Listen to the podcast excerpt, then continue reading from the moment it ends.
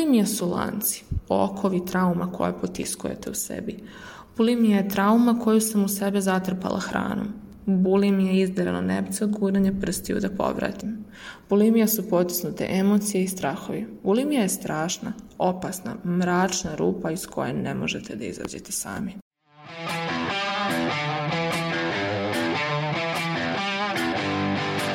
O poremećajima ishrane priča se premalo u onim društvenim sferama u kojima bi trebalo da se govori najviše, recimo u porodici. A zapravo najčešći uzroci i okidači za ove poremećaje nalaze se baš u porodici, u odnosu sa ocem i majkom. Jedan od najčešćih oblika jeste bulimija.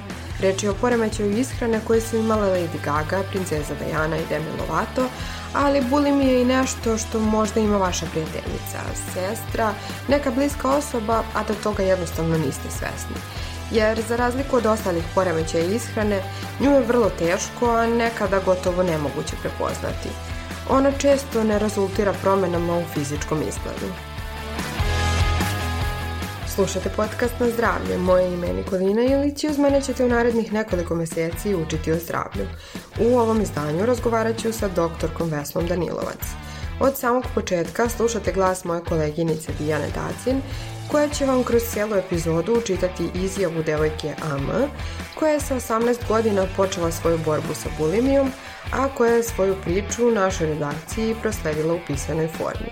Govorit ćemo o tome kako izgleda dan osobe sa bulimijom, kako izgleda proces lečenja, kao i o tome koji su najčešći okidači ove bolesti. Da li ste čuli nekada da su idealne proporcije ženskog tela 90-60-90? To je odnos dimenzija ženskih grudi, kukova i struka. A da li ste čuli za body shaming? To je najjednostavnije rečeno ruganje nekome zbog toga što njegovo telo nije idealno. Međutim, šta je uopšte idealno? Da li postoji takvo telo i da li postoji idealna i savršena osoba? Da li je prihvatljivo da nekoga ismevamo uživo ili još češće na društvenim mrežama ako se ne uklapa u naše ideale lepote i savršenosti ili u neke nametnute, imaginarne izmišljene ideale? Predebela si, premršava si, kukovi su ti kao karta sveta, grudi su ti premale, smršaj, ugoji se, izdepiliraj se I sve to da bi bili dopadljivi, da bi se uklopili i bili prihvaćeni. Često taj isti body shaming može da bude jedan od okidača poremećaja ishrane. Predebela sam, hajde da se izgladnjujem da bih bila dovoljno dobra drugima. Ili volim da jedem, ali da se ne bih ugojila, jednostavno ću da povraćam i sve će biti okej. Okay. Ili neće.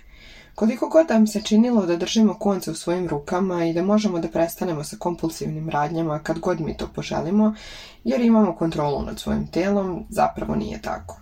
Vrlo lako se gubi kompas i isto tako se vrlo lako dolazi do, recimo, stanja bulimije.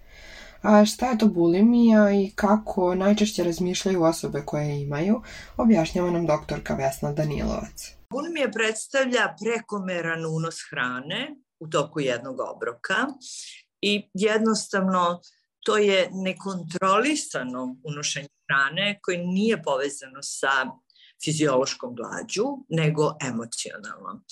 Najčešće se javlja kao posledica nekih e, psiholoških uzroka, nekih traumatičnih doživljaja i na zatrpavanje praznine koju osoba ima u sebi. Takav odnos prema hrani i svom telu vremenom postaje novi način ponašanja. U jednom trenutku osobe postaju zavisne od takvog pristupa popunjavanju praznine i uticanju na sobstvene emocije. Kada mi uzmemo zalogaj hrane, prekida se kontakt sa emocijom. I bilo šta da smo osjećali u smislu tuge, praznine, besa, nedostatka ljubavi, povređenosti, mi zalogajem hrane prekidamo osjećaj koji smo imali. I jednostavno ta potreba da se eliminiše emocija koja se javlja, a koju mi ne želimo da imamo, odnosno osoba ne želi da ima, na neki način se reguliše uzimanjem hrane.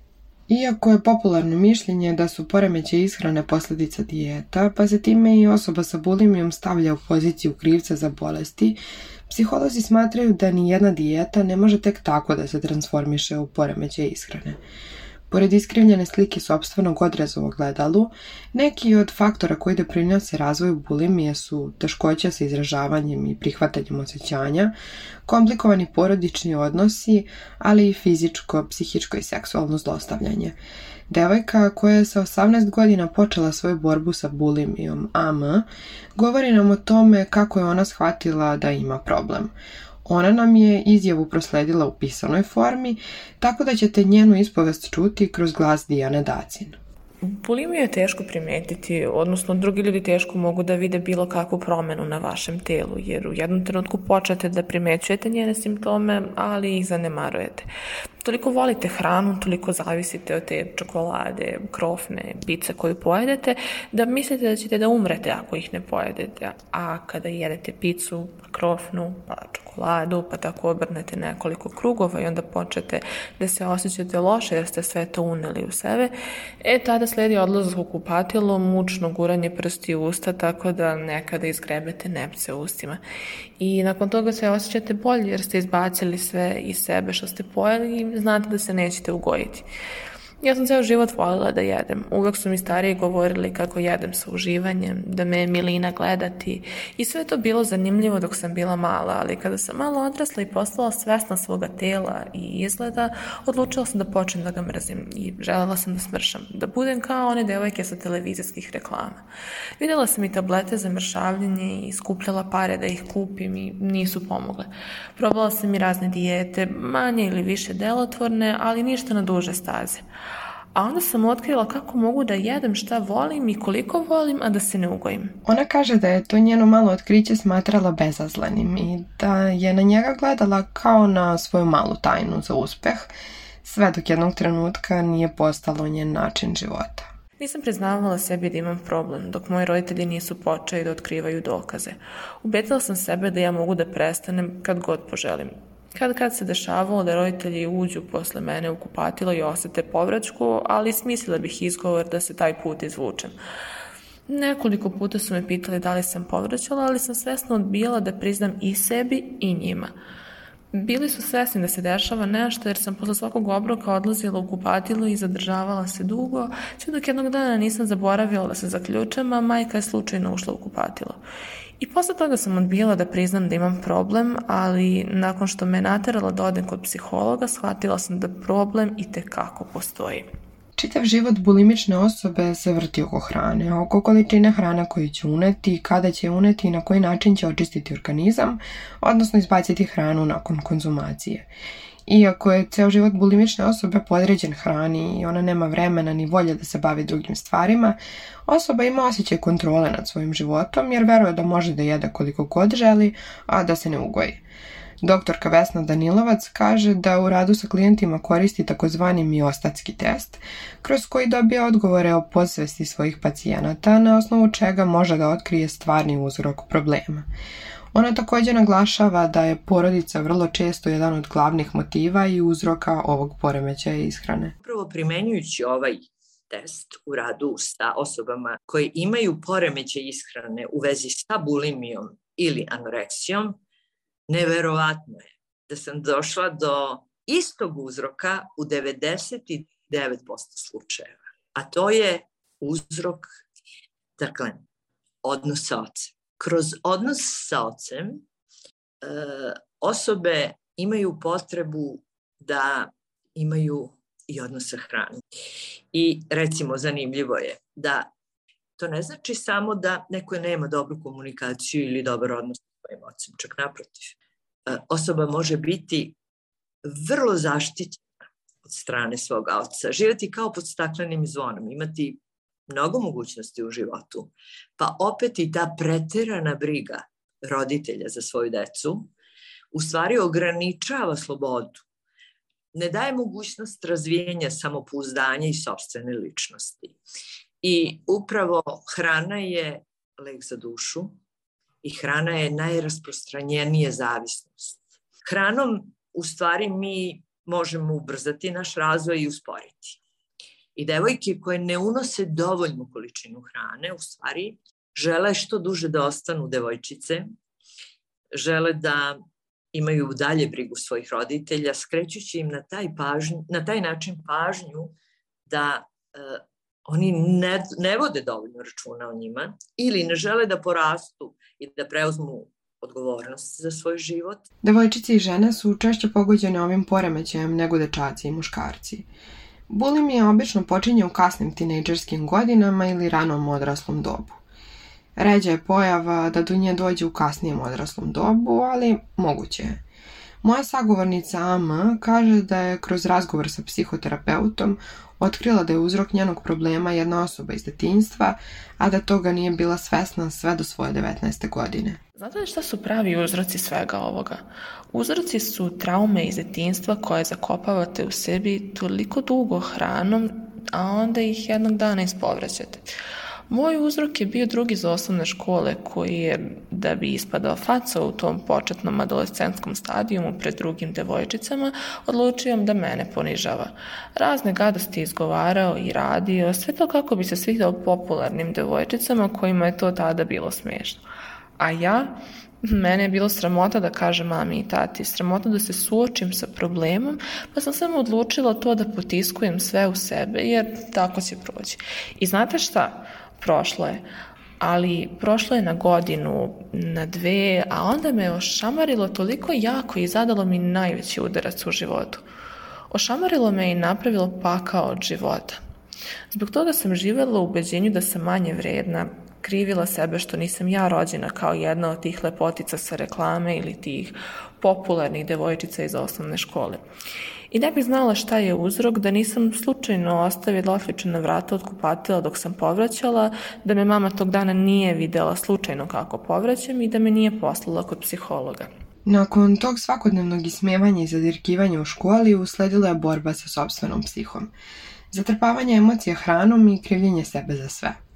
Ama kaže da kada je shvatila šta je uzrok, nije mrzala tog malog frajera iz osnovne škole, već sebe i svoje telo koje je izazvalo sva ta dobacivanja i loše reakcije.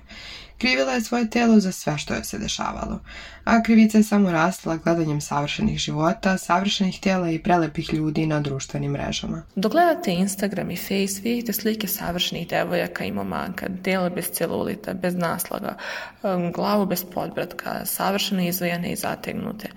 Svesni se da to nije tako u realnom životu i da iza toga stoje razni filteri, photoshopovi, face appovi i slično.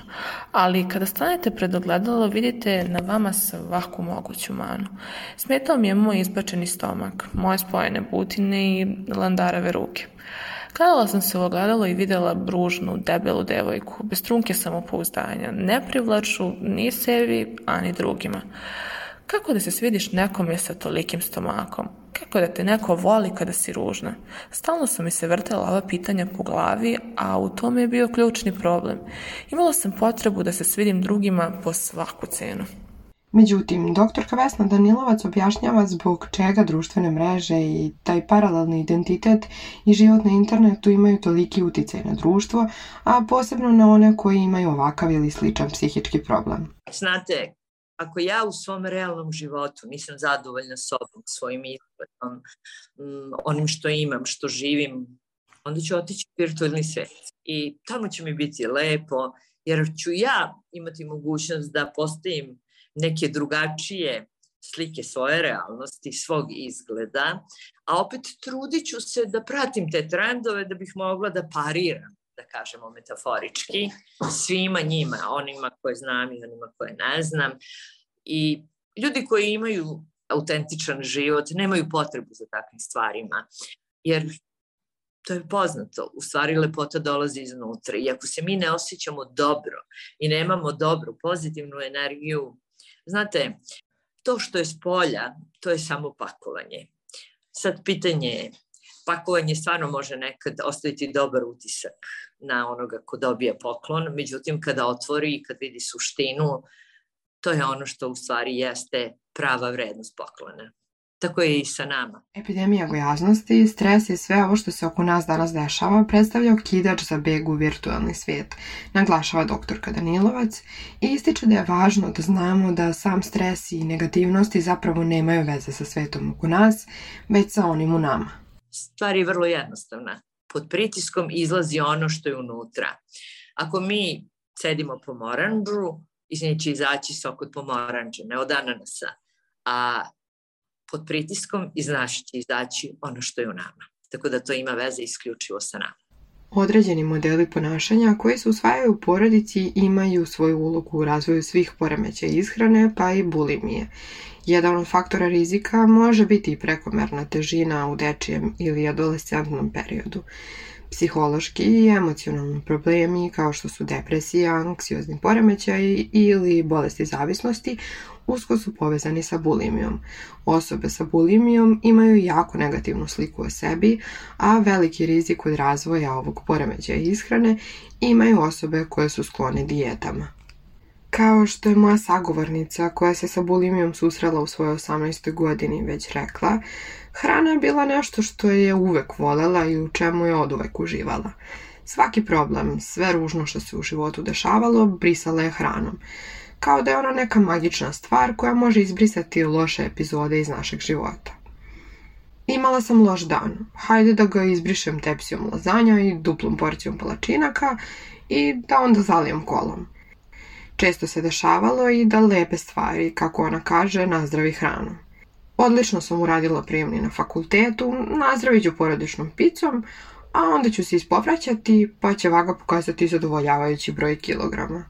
Volela sam hranu. Sanjala sam hranu. Kad ustanem želela sam da jedem. Kad ležem u krevet jedva sam čekala da ustanem da jedem. Znala sam da se neću mnogo ugojiti, iako mnogo jedem jer imam svoje tajno oružje. Jela sam krišom. Kada roditelji odu da spavaju, kada su na poslu, kupovala sam hranu i štekala po sobi.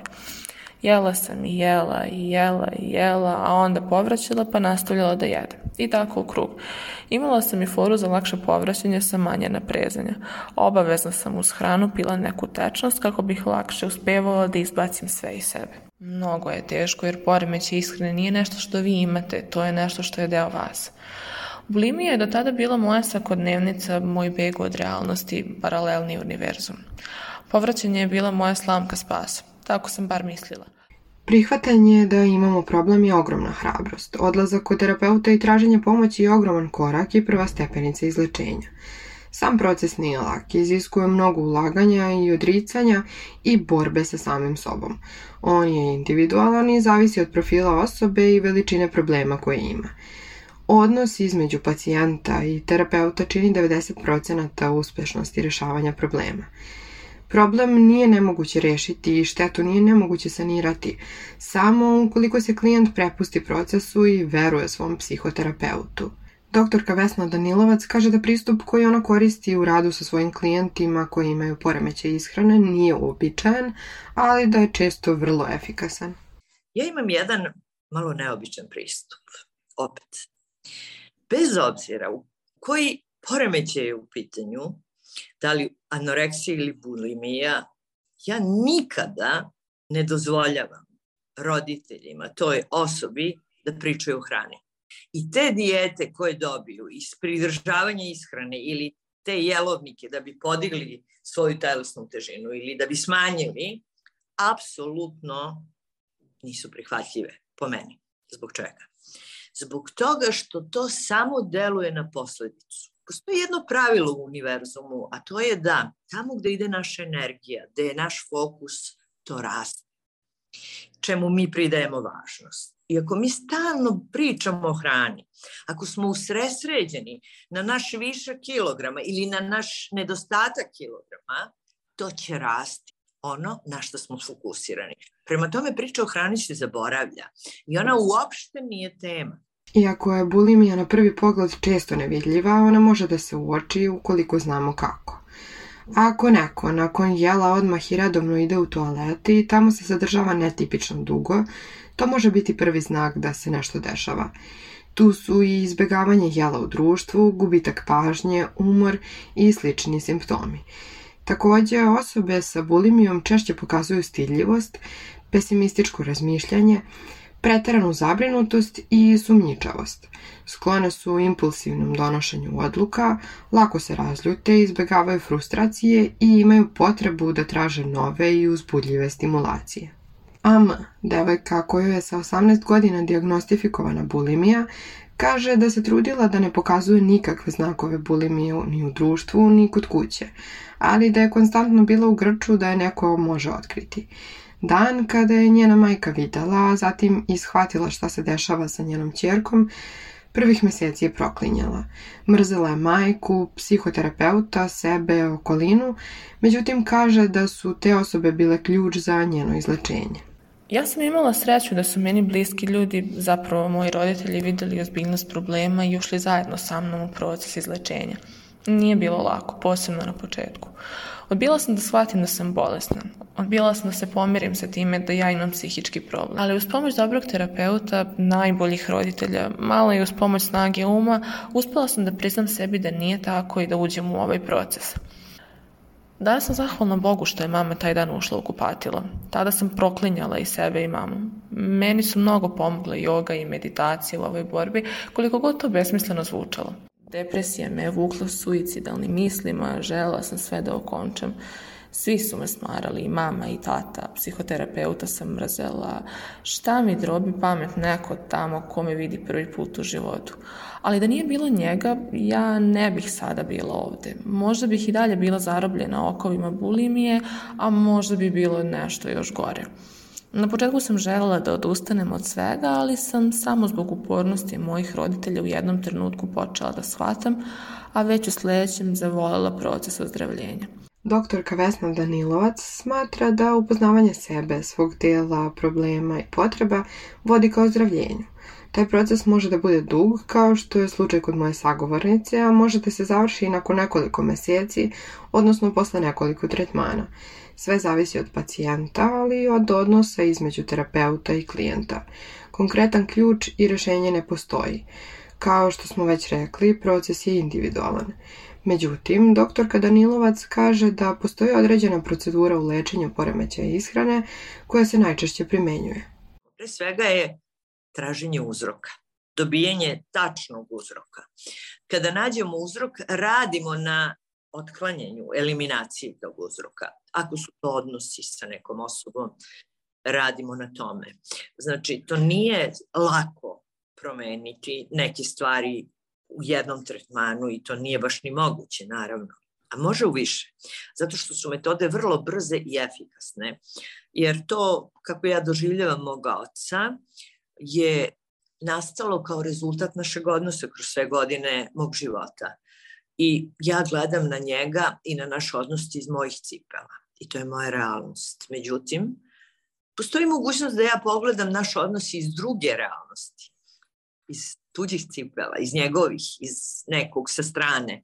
I na taj način dobijam novu sliku, novi osjećaj, nove uvide i na taj način u stvari spoznajem E, neke stvari koje do tada nisam mogla. Kada sklonimo sve ono što je negativno, negativne emocije koje stoje e, kroz taj odnos, onda radimo na osnaživanju onoga što je potrebno toj osobi da bi ona prevazišla tu situaciju.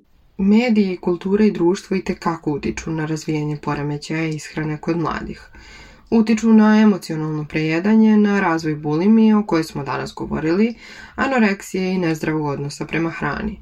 Stoga treba da budemo svesni i toga da one ideale lepote koje nam društvo, medije i kultura nameću predstavljaju samo iskrivljenu sliku stvarnosti i da ne treba da patimo od nekakvih Instagram ideala. Ne treba da dopustimo sebi da nas ta slika odvede stramputicom ka depresiji i poremećajima ishrane. Tada sam jela obsesivno, gutala, trpala u sebe kao u kantu.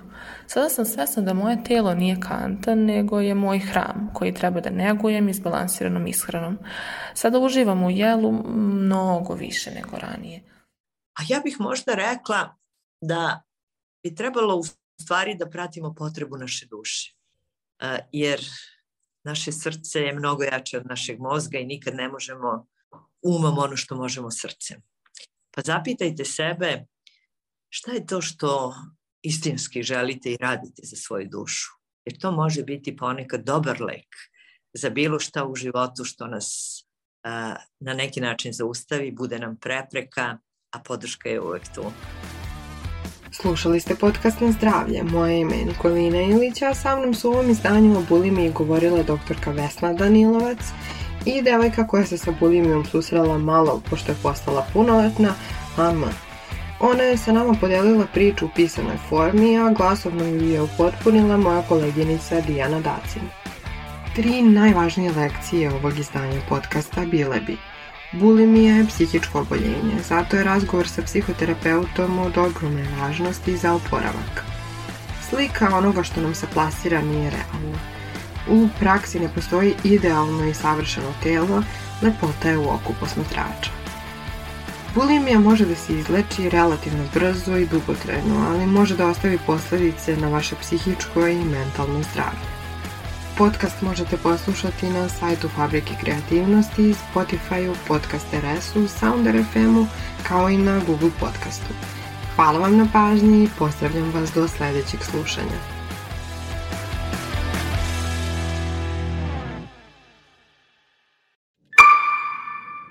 Produkcija Fabrika kreativnosti